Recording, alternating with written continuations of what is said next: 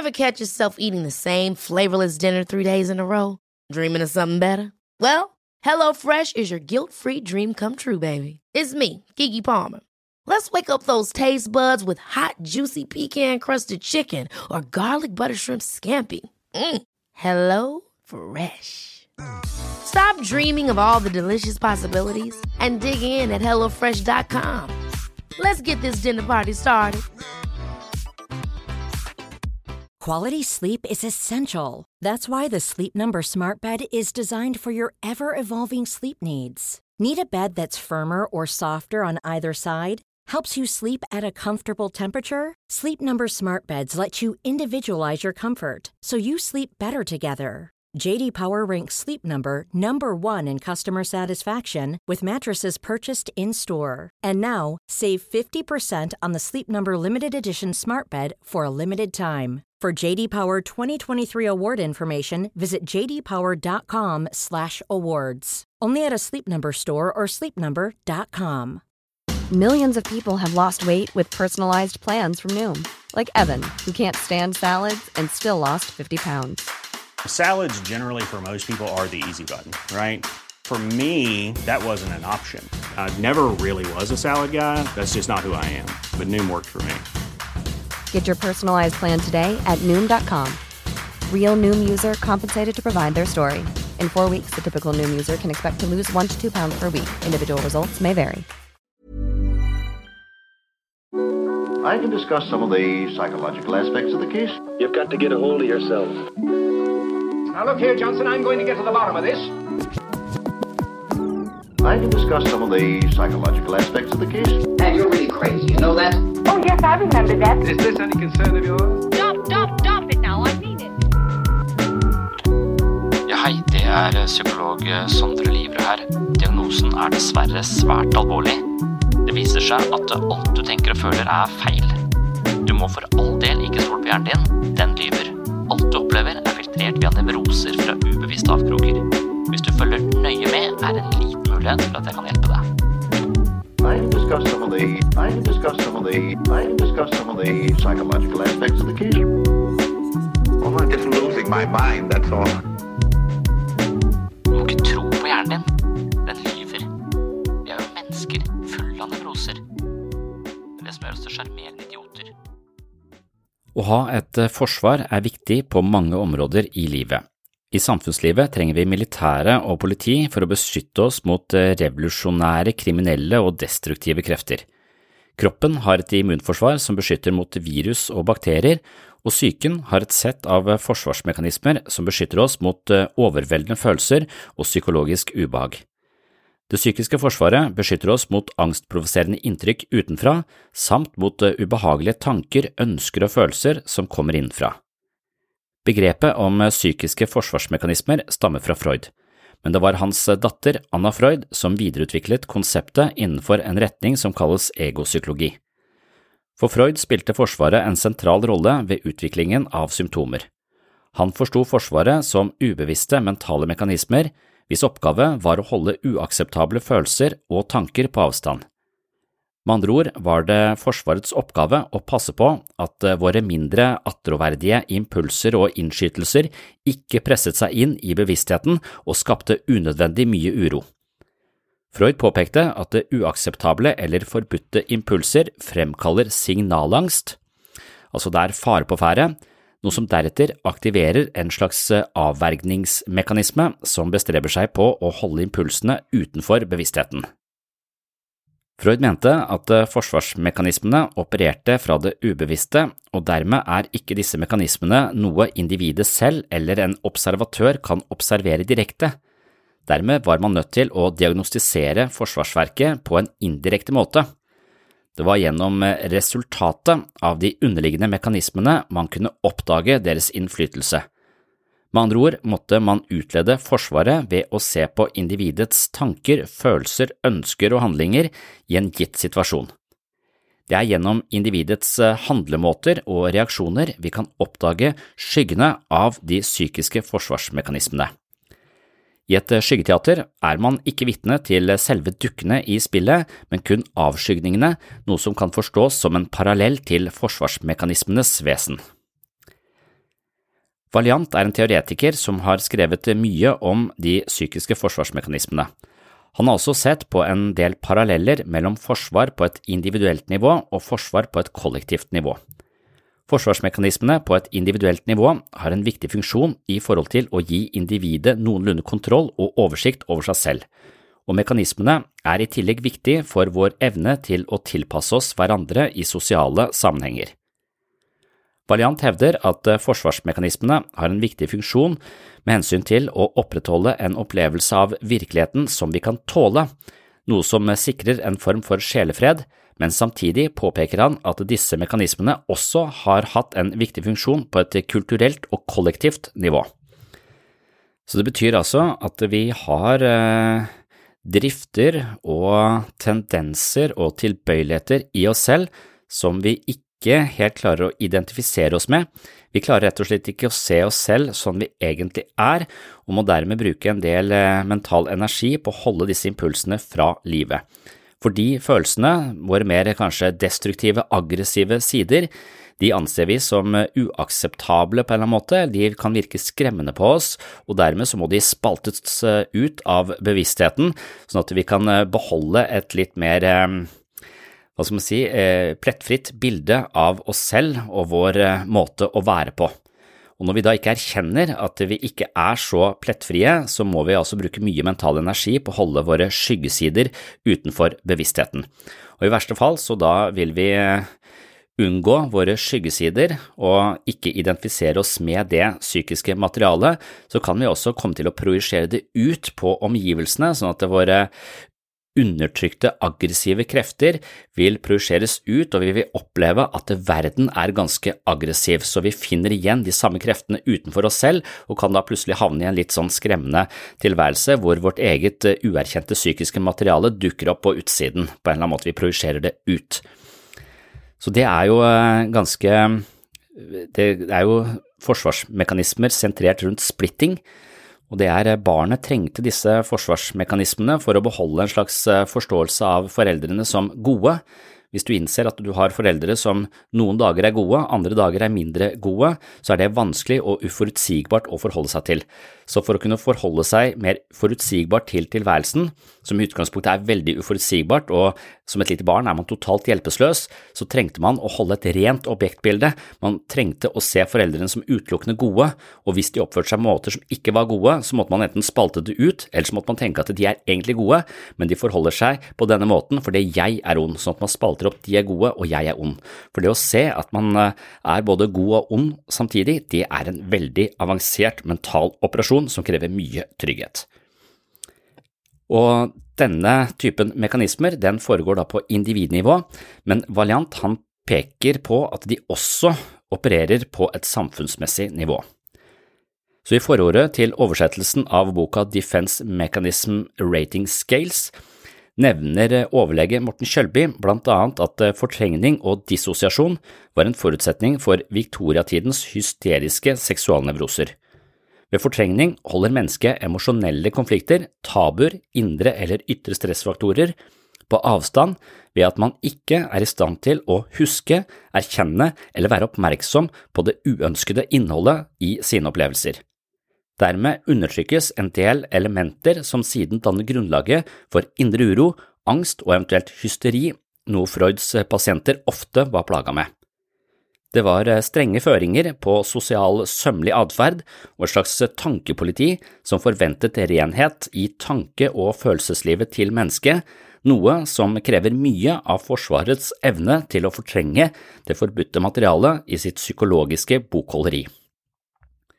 Så dette her var altså viktoriatidens eh, undertrykkelse.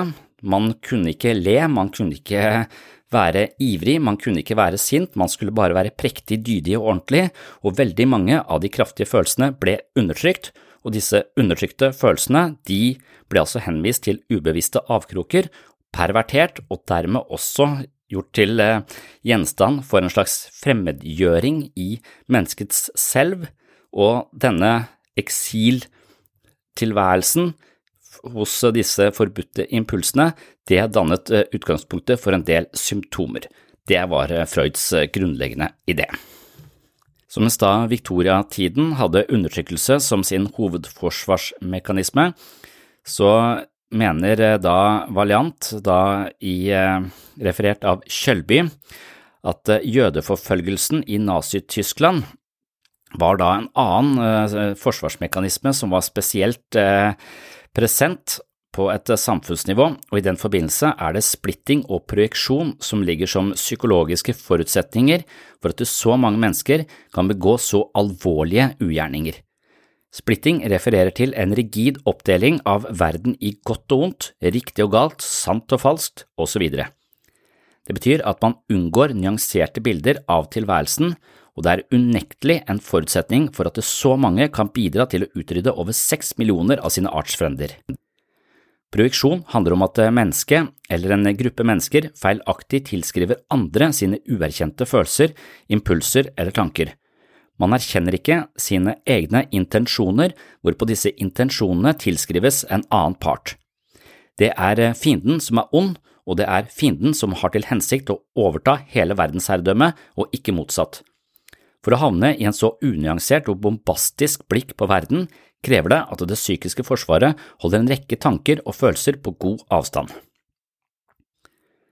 Som mennesker kan altså følelser overmanne oss på en så kraftig måte at vårt psykologiske liv står i fare.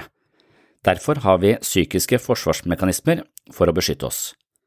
Et annet eksempel hvor vi kanskje ser skyggen av disse mekanismenes påvirkning, er i bibelhistorien. Mennesket begår synder og gjør feil, vi føler og tenker uakseptable ting, og vi handler tidvis uten omtanke for andre. En åpenbar erkjennelse av disse menneskelige skamplettene kan bli for tung å bære, både for et individ og for en gruppe. I en slik situasjon hender det at det psykiske forsvaret fortrenger det uakseptable materialet eller skyver det over på noen andre. Når Jesus går oppover Golgata med korset på ryggen, forteller historien om en ganske bestemt mening bak denne hendelsen. Jesus korsfestes og tar dermed på seg alle menneskers synder. Med andre ord påtar han seg menneskets synder og likeledes den tilhørende straffen. Dette har ikke nødvendigvis noe med psykiske forsvarsmekanismer å gjøre direkte, men kanskje er det et bilde på menneskets begrensede evne til å ta bevisst ansvar for egne ønsker, følelser og tanker. Ved blant annet projeksjon tenderer vi til å plassere våre egne uakseptable innskytelser over på andre. På sett og vis kan man si at vi ikke evner eller makter å ta ansvar for de nedre impulsene som kan dukke opp i vårt indre liv, og ved hjelp av ubevisste mekanismer skyves de over på noe annet. Kanskje kan vi forstå historien om korsfestelsen som et bilde på menneskets mindre heldige håndtering av egne tanker, følelser og handlinger. Irvin Yalom er en eksistensiell psykoterapeut som er opptatt av det han kaller ultimate spørsmål. Han snakker om død, frihet, isolasjon og meningen med livet. Og for ham kan religion forstås som en slags åndelig forsvarsmekanisme som skjermer oss mot en virkelig erkjennelse av eksistensens grunnvilkår. Ethvert menneske opplever sannsynligvis angsten som følger med tanken om døden, frihet, forstått som totalt mangel på struktur i eksistensen, das nichts, og grunnleggende isolasjon, og Yalom hevder at religion oppstår som menneskehetens fundamentale forsøk på å nedkjempe eksistensiell angst. I boken Religion og psykiatri skriver han at eh, grunnen til at religiøs tro finnes overalt, er derfor at eksistensiell angst finnes overalt. For er altså religion en slags kollektiv beskyttelse mot eh, erkjennelsen av livets ytterpunkter og døden som den eneste og skumleste sannheten. Så det fungerer altså som en slags eh, buffer mot eh, å forstå verdens absolutte virkelighet, kan man si. Det faktum at vi skal dø. Så den ideen, den tanken om død, den kan slå innover det bevisste mennesket som en enorm tung bør å bære, og for å få en grad av klare å overleve den erkjennelsen, så plasserer vi en eller annen tro mellom oss selv og livets realiteter. Så sånn sett så tenker han da at religion fungerer som en slags eh, forsvarsmekanisme. Når de mer primitive psykiske forsvarsmekanismene er på spill, kan mennesket handle på måter som kanskje ikke er i overensstemmelse med deres egentlige verdisystemer. Det emosjonelle ubehaget plasseres utenfor individet eller begrunnes i uholdbare ideer som legitimerer ugjerningene. I andre sammenhenger kan det psykiske forsvaret sørge for at de uakseptable tankene og følelsene fortrenges, noe som også legger en demper på menneskets psykologiske utfoldelse og gir grobunn for indre uro og angst. Freud hevdet at eh, psykoterapi dreier seg om å gjøre det ubevisste bevisst, og sannsynligvis var han inne på noe viktig. Kanskje kan vi forstå psykisk sunnhet som evnen til å tåle, forstå og erkjenne våre tanker og følelser, og ikke minst våre motstridende tanker og følelser. Det å innse at vi på samme tid kan både elske og hate et annet menneske, og holde dette tilsynelatende motsetningsforholdet bevisst for uh, vårt indre øye, det tror jeg er uh, kjennetegnet på mental styrke.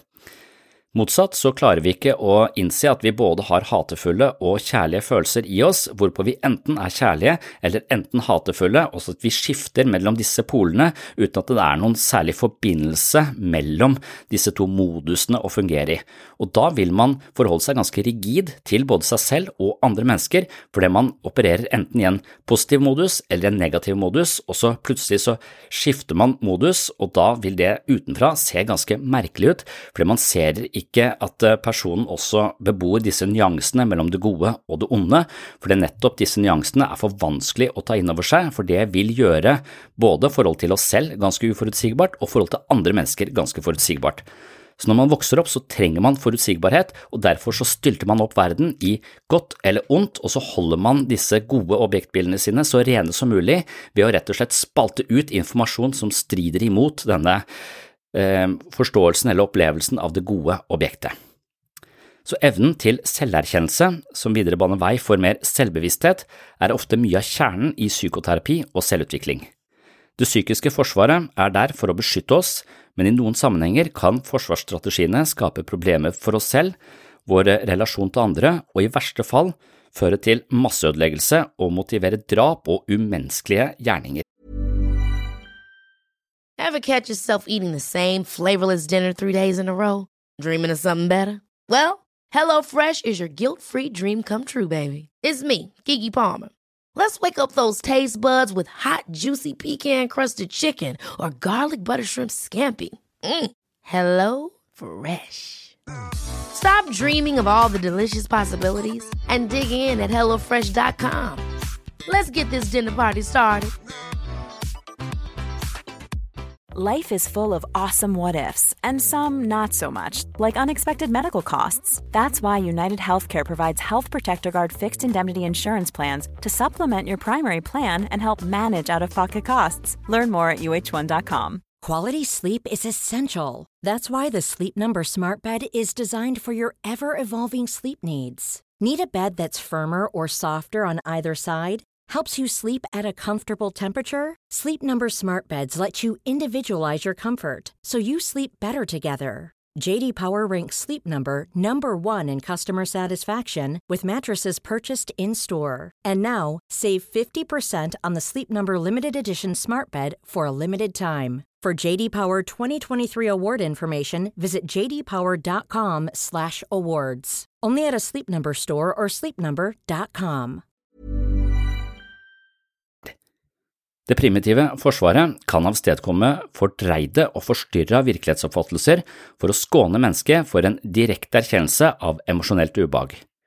Når oppfatninger av virkeligheten spaltes opp i rigide kategorier, gir det ofte anledning til handlinger som er skadelige både for individet og samfunnet. Evnen til å se nyanser i ting, forholde seg til flere og ofte motstridende perspektiver, kan derfor betraktes som et tegn på mental modenhet, mens det motsatte ofte kulminerer i en form for psykopatologi, rigide relasjoner, konflikter og emosjonelle svingninger. Man er enten positiv eller negativt, og så flukturerer man mellom ytterpolene uten å se at disse ytterpolene er forbundet av en hel haug av nyanser. Man er ikke enten varm eller kald, man befinner seg på et kontinuum hele tiden mellom disse polene, at man er emosjonelt til stede og støttende, kontra mer utfordrende og irritert, kanskje. Så vi har disse motstridende kreftene i oss som hele tiden opererer, og hvis vi ikke klarer dette motsetningsforholdet, så vil vi stylte opp livet i rigide kategorier, og gjerne vårt eget selvbilde i ganske rigide kategorier.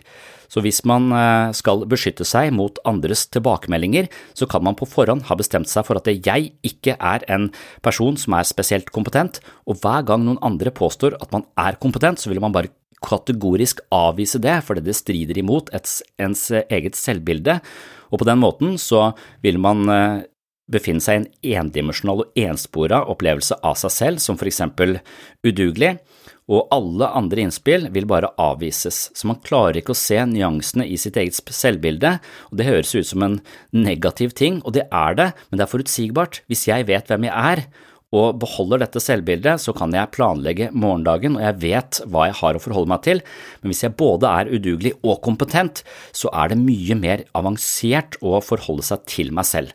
Og det er denne, eh, dette avansementet i hvordan vi evner å forholde oss til oss selv, altså innse at vi har motstridende krefter og våge å se på de ulike nyansene, det er eh, det Freud mener eh, vi gjør når vi gjør det ubevisste bevisst, og at vi klarer å identifisere disse motsetningsforholdene i oss selv og bære de samtidig. Og Dette kalles også holding the tension of the opposites, og det er det jeg nå skal snakke om i dagens episode av Sinnssyn. Velkommen skal du være. Det jeg tenkte på til i dag, det var Jeg hørte en podkast som heter Disjungen Life, når vi trente forrige gang, om, eh, om 'holding the tension of the opposites'. Som et slags sånn grunnprinsipp i all eh, psykodynamisk teori, egentlig. Altså 'holding the tension of the opposites'. Så som du påpeker, så er ikke ting eh, Det er ikke enten-eller, det er alltid et både-og. Så, så vi har ofte en tendens til å identifisere oss med én ting som er i motsetning til noe annet, og da er vi ikke det andre. Mens eh, det å holde disse to tingene i oss samtidig er eh, utfordringen ved å holde denne spenningen mellom motsetningsforholdet i oss. Mens vi søker hele tiden til en entydig forklaring på hvem er jeg er. jeg syk, er jeg ikke syk? Som dere påpeker, så er man alltid på et slags kontinuum mellom eh, et ganske komplisert tredimensjonalt kontinuum sannsynligvis, med masse forskjellige hvor man hele tiden beveger seg i er et eller annet sted her sånn. Så man er ikke enten syk eller, eller ikke syk. Man er ikke heller enten varm eller kald. Jeg er en kald person. Jeg sier av og til at jeg er en kald person, for jeg er høy på tenking. At jeg tenker, og kanskje ikke nødvendigvis føler så mye, men så vet jeg at jeg føler jo også. Så jeg er ikke enten-eller. Jeg er en ganske sterk føler også. Jeg kultiverer den siden med meg selv. Så hver gang du legger noe på vektskåla et sted, så må du legge det motsatte på andre siden for å skape en balanse i livet. Jeg tror denne utfordringen vi har med å holde disse motsetningsforholdene i oss, er ganske, er ganske krevende. Og det er liksom selve livet, da. For det er i motsetningsforholdet at bevisstheten vår oppstår, nærmest. Det er der bevissthet fødes. Det er der også, som jeg tror jeg nevnte sist, men forholdet mellom ja, vi har en gruppe hvor det er mye snakk om vi er den kalde siden og dere er den varme siden. Dere føler, vi tenker. Og så sitter vi ofte på hver vår side av gruppa, og så, og så ser vi at vi har helt uh, ulike innfallsvinkler til ethvert problem. Og det virker som om vi tenkere ikke går like kjapt ned med flagget som følerne gjør, for de føler så veldig. Og, men de har også en helt annen varme, så det er masse fordeler på begge disse, disse sidene. Og vi er jo ikke enten-eller. Men vi må finne denne, dette paret i oss selv også, som også utspiller seg i, i gruppa, i relasjonene våre. Og akkurat som det utspiller seg i været også. For det, det, er jo det er en kald front og en varm front i været. Og når de møtes, at vi får regn og skyer og tåke og vind Altså det er der været oppstår, i møtet mellom kald og varm frontene. Og det er liksom selve utfordringen med livet og 'holding the tension of the opposites'. Og det tror jeg vi ikke er så flinke til. Jeg tror vi enten så er vi sånn, og da er vi ikke sånn. Så, så det å hele tiden være et både-og, og inkludere det, det tror jeg gir oss et mye mer nyansert bilde av oss selv og verden. Men det gir oss også ganske kompliserte livsnarrativer. Det gir oss ganske kompliserte identiteter. Så det er ikke noe, det er ikke noe e-, entydig, det, det, er ikke lett å forstå hvem vi er da. Det er krevende. Det er litt, litt sånn som, som jeg tenker nesten når jeg har vært på sånn forfatterkurs for å bygge opp en novelle eller en, en, roman, og så bygge karakterer. Og hvordan det er et eget fag å bygge en karakter. Og hvordan uh, disse ulike de kreftene i denne karakteren skal dra i ulike retninger. Og jeg tror akkurat det jeg lærte på sånn skrivekurs, det, det tror jeg nesten lærte meg mer om meg selv enn eh, mange år i, i, psykoterapi, nesten sagt. For det, det, var så tydelig at 'holding the tension of opposites' var så viktig for å få dramaturgien i denne i hele fortellingen, og også de enkelte individene. Det er spørsmålet hvorfor vi drages mot det polare isteden. Hvorfor vi hele tiden vil være, ha klare og entydige forståelser av godt og ondt, f.eks. Og at det er et, et, behov vi har i oss, nærmest. Eller det har også med en slags psykologisk modningsprosess å gjøre. Det er kanskje noe av det, det som også er selve grunntanken i mye av denne psykodynamiske teorien etter Freud, er at mennesket fødes inn i verden uten hva skal man si, mentale ressurser til å forstå alle disse nyansene i, disse kreftene. Sånn at eh, For å kunne orientere oss, så er vi nødt til å dele opp verden i svart og hvitt, eller godt og vondt. Eh, og det er hensiktsmessig, for da kan vi forholde oss til ting på en eh, oversiktlig måte. Og så er det dette når vi langsomt da innser at man kan både elske foreldrene sine og hate foreldrene sine på samme tid. Noe jeg tror Dalai Lama synes er litt sånn Han pleier jo bare å meditere på kjærlighet, så det tar så stor plass at det ikke er plass til aggresjon. Jeg lurer på om han er litt aggresjonshemma. Mens uh, i denne teorien så vil man si at det er nettopp dette forholdet mellom elsk og hat uh, som skaper dynamikken i din relasjon til uh, dette mennesket. Så idet vi klarer å se at vi både hater og elsker foreldrene våre, så har vi kommet veldig veldig langt. da. Fordi at det er, tilsynelatende to motstridende følelser, men, men de, de, opererer alltid i, i par. Men som barn så må du være veldig trygg, og du må føle deg veldig trygg for å våge den typen eh, eh, nyanser.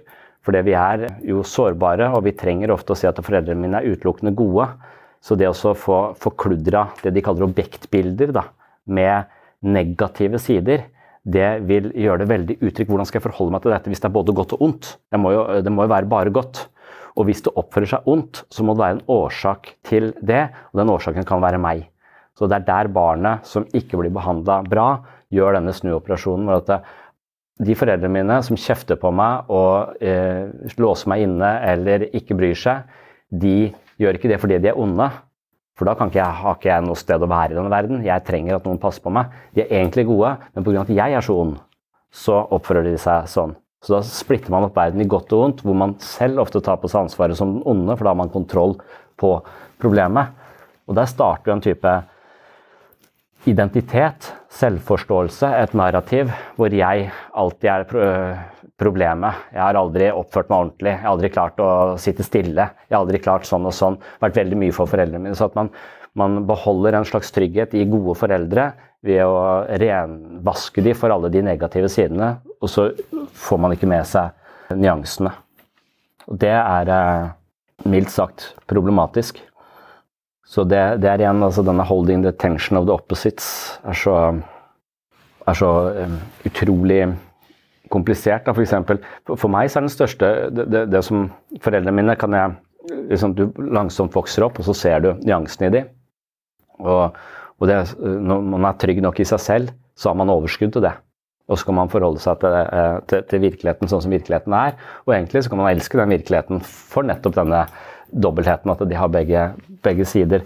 Så det, det, tror jeg er et slags modningsprosjekt som tok meg sånn 35-40 år ca. Så var fort gjort. Mens eh, noe jeg også har strevd med, er døden. Og jeg har liksom hele tiden tenkt at jeg skal finne en forklaring på døden som gir meg en eller annen følelsesmessig tilfredsstillelse, så jeg kan krysse av det. Nå er jeg ikke redd for å dø lenger, f.eks. Og så og så har jeg jo søkt etter det i menigheter, alt mulig forskjellige folk som snakker om døden. Da finne en eller annen entydig forklaring på nei, hvis du bare tenker sånn om døden, så er ikke døden farlig lenger. Og så finner jeg liksom ikke det, da, for jeg klarer ikke å tro på denne at vi skal leve eh, i et paradis, eller jeg blir gjenfødt som bikkje eller gris, eller jeg, jeg, tror ikke eh, Jeg klarer ikke helt å akseptere de, de, forklaringene, så derfor så ender jeg opp med en sånn eh, Nei, eh, livet er meningsløst så lenge vi skal dø alle, alle, sammen. Hvorfor gidder vi å streve så jævlig mye? Jeg skjønner egentlig ikke hvorfor vi gidder å streve så jævlig mye, uansett. Men, men, eh, men, men så, så, er jo egentlig fortellingen at døden er meningsløs. Og døden er også meningsfull. Den er begge deler. For noen sier til meg jo, men døden gjør livet meningsfullt. Det er pga. at det er endelig at ting får verdi. Du hadde ikke giddet å malt garasjen før eh, i år 3048 eh, hvis eh, du skulle leve evig. Det er, det er, liksom, det er en verdi i at livet er sårbart, kostbart og dermed har en verdi. Mens andre sier at jeg skjønner ikke hvorfor altså Døden som enden på alt, det gjør ting helt totalt meningsløst. Så jeg tror begge de to tingene er sant. Det er meningsløst og det er meningsfullt på samme tid. Og det å holde det spenningsforholdet der sånn, det er det som skaper mitt forhold til døden. Det, kommer, det ender aldri noe sted. Det er bare sånn Ja, nå har jeg en forklaring på det. Ferdig med den saken. Jeg må holde denne spenningen i meg hele tiden, så jeg blir aldri faen ferdig med det. Og det er en skuffelse i seg selv, men det er også en slags bevegelse, det er en dynamikk i det, da, som gjør at du aldri, du aldri kommer til én forklaring. Så jeg er aldri enten syk eller frisk eller eh, god eller dårlig, eller en eh, bra pappa eller en dårlig pappa. Jeg er alltid begge deler, liksom. Og jeg strever med å holde de to tingene parallelt. Jeg klamrer meg til halmstrået at, eh, at bevisstheten er et ikke-materielt grunnstoff som manifesterer seg i kropper, og dermed egentlig ikke verken dør eller oppstår, bare oppstår på nytt og på nytt i materie. Det, det er det jeg klamrer meg til. Ja, ja, med dødsak, så akkurat klart å akkurat tatt en Sobril, og så, så kommer du og så jazzer opp angsten igjen. Ja, det du hørte her, det var kun et lite utdrag fra en lengre episode om motstridende krefter i den menneskelige syke. Og hele foredraget det finner du i episode 82, som altså heter Motstridende krefter i den menneskelige syke på Sinnsyns mentale helsestudio og tilgang til Sinnsyns mentale helsestudio med masse ekstramateriale fra denne podkasten, mine bøker som lydbøker, et mentalt treningsprogram, meditasjonsveiledning og masse ekstra episoder og videomateriell fra denne podkasten, det kan du skaffe deg ved å gå til patron.com for slash sinnssyn og tegne et abonnement. Hvis du er del av et større fellesskap, en bedrift, en organisasjon, en kommune, et eller annet, så er det også mulig å få et tilbud på et bedriftsabonnement på Sinnsyns mentale helsestudio. Da kan man trene i flokk, kanskje man kan høre episodene hjemme når man eh, vasker opp eller når man er ute og jogger eller et eller annet, og så kan man snakke om tematikken i lunsjen dagen derpå, og sjansen da for at man får noen samtaler som stikker litt dypere enn vær og vind, kan være til stede. Og det er også målet med denne podkasten, det er jo å være litt mer interessert i hva som foregår litt, eh, på et litt dypere nivå, altså lodde dybden i vårt, vår egen syke. Og det mener jeg kan være et ganske spennende prosjekt hvis vi gjør det på en leken og litt eh, morsom måte. Og det er det jeg håper å kunne tilby på Sinnsyns mentale treningsstudio. Så hvis du finner verdi her på podkasten, ønsker å støtte prosjektet og få mer sinnssyn hver måned og tilgang til dette mentale treningsstudio, så er altså et abonnement på enten Patron eller eh, på dette bedriftshelsestudio og en veien å gå. Så hvis du er i en bedrift, så kan du skrive en mail til meg på webpsykologene at eh, gmail.com, eller gå inn på webpsykolog.no og lese det opp på hva dette bedriftsabonnementet innebærer. Og hvis du vil ha mer av akkurat denne eh, tematikken, hva som foregår i skyggen av bevisstheten, så kan du lede deg fram til episode 82 på dette mentale treningsstudio. Skal vi lytte til fornuften eller følelsene? Er jeg modig eller feig, stolt eller ydmyk, smart eller dum, tro eller utro? Mennesket er fullt av krefter som ofte drar oss i ulike retninger, og noen ganger blir spenningen mellom de motstridende kreftene såpass intense at vi velger å utelukke den ene, slik at den andre får utløp uten motstand. Istedenfor å innse at vi kan eh, være både hatefulle og elskverdige, eller at vi kanskje både hater og elsker en og samme person, så velger vi å ignorere eller undertrykke det hatefulle og tviholde på det elskverdige. Dessverre er det slik at eh, vår hang til å lete etter endimensjonale følelser krever en fortrengning av den aktuelle følelsens motpol.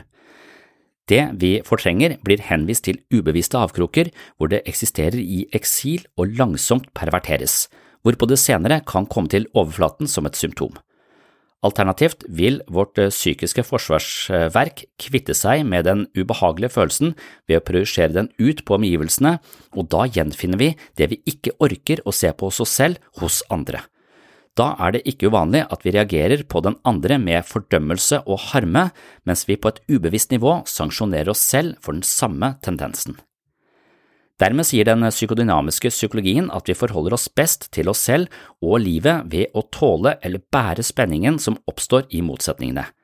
Det er altså mektige krefter i oss selv som ofte står i opposisjon til hverandre. Det er i den kreative syntesen av disse motstridende kreftene vi vokser og utvikler oss.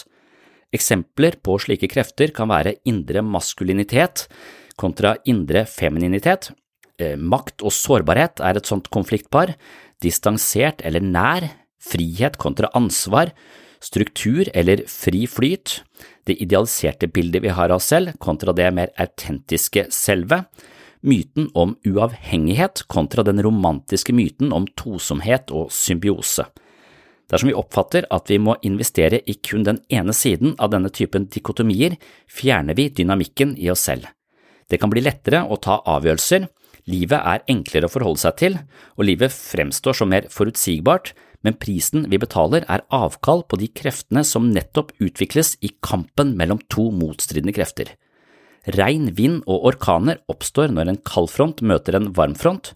Når våre indre motsetningsfulle følelser møtes, oppstår også da ikke nødvendigvis regn og snø og vind, men selve bevisstheten og en eh, dynamisk og mer krevende livsførsel blir da mulig, og det vil nok gi livet mer dybde og mer nyanser, det vil være mer krevende, men det vil også skape mer mening. Vi kan gjøre det enkelt å dele alt opp i svart eller hvitt og kun identifisere oss med den ene siden, men det gjør oss både endimensjonale og det fornekter en del av vår natur på en måte som svekker vår evne til et mer realistisk bilde av verden og oss selv. Dette er et eh, ganske komplisert tema, nemlig muligheten for å holde ut spenningen i konfliktene som oppstår ved motsetninger, men hvis du forstår dette konseptet, har du også forstått et av de viktigste poengene i psykodynamisk psykologi. Og Derfor så håper jeg at du nå blir inspirert til å gå inn og finne episode 82, Motstridende krefter i den menneskelige syke, og dykke mer ned i denne typen tematikk på patron.com for segs sinnssyn som abonnent der, eller som bedriftsabonnement på mitt mentale helsestudio. Det var det jeg hadde for denne gang. Takk for nå. Oh, I'm just losing my mind, that's all.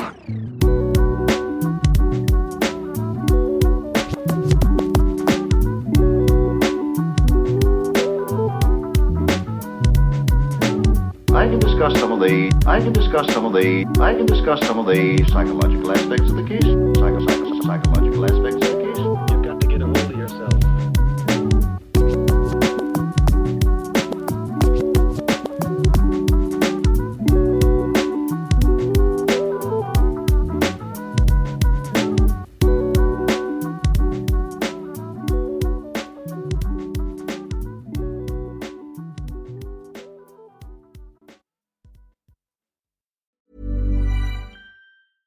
Hey, it's Danny Pellegrino from Everything Iconic. Ready to upgrade your style game without blowing your budget? Check out Quince. They've got all the good stuff shirts and polos, activewear, and fine leather goods, all at 50 to 80% less than other high end brands. And the best part? They're all about safe, ethical, and responsible manufacturing. Get that luxury vibe without the luxury price tag. Hit up quince.com slash upgrade for free shipping and 365 day returns on your next order. That's quince.com slash upgrade. Hold up. What was that? Boring. No flavor. That was as bad as those leftovers you ate all week. Kiki Palmer here, and it's time to say hello to something fresh and guilt-free. Hello Fresh. Jazz up dinner with pecan-crusted chicken or garlic butter shrimp scampi. Now that's music to my mouth. Hello Fresh. Let's get this dinner party started. Discover all the delicious possibilities at hellofresh.com. Imagine the softest sheets you've ever felt. Now imagine them getting even softer over time. That's what you'll feel with Bowl and Branch's organic cotton sheets. In a recent customer survey, 96% replied that Bowl and Branch sheets get softer with every wash. Start getting your best night's sleep in these sheets that get softer and softer for years to come. Try their sheets with a 30-night guarantee. Plus, get 15% off your first order at bowlandbranch.com. Code BUTTERY. Exclusions apply. See site for details.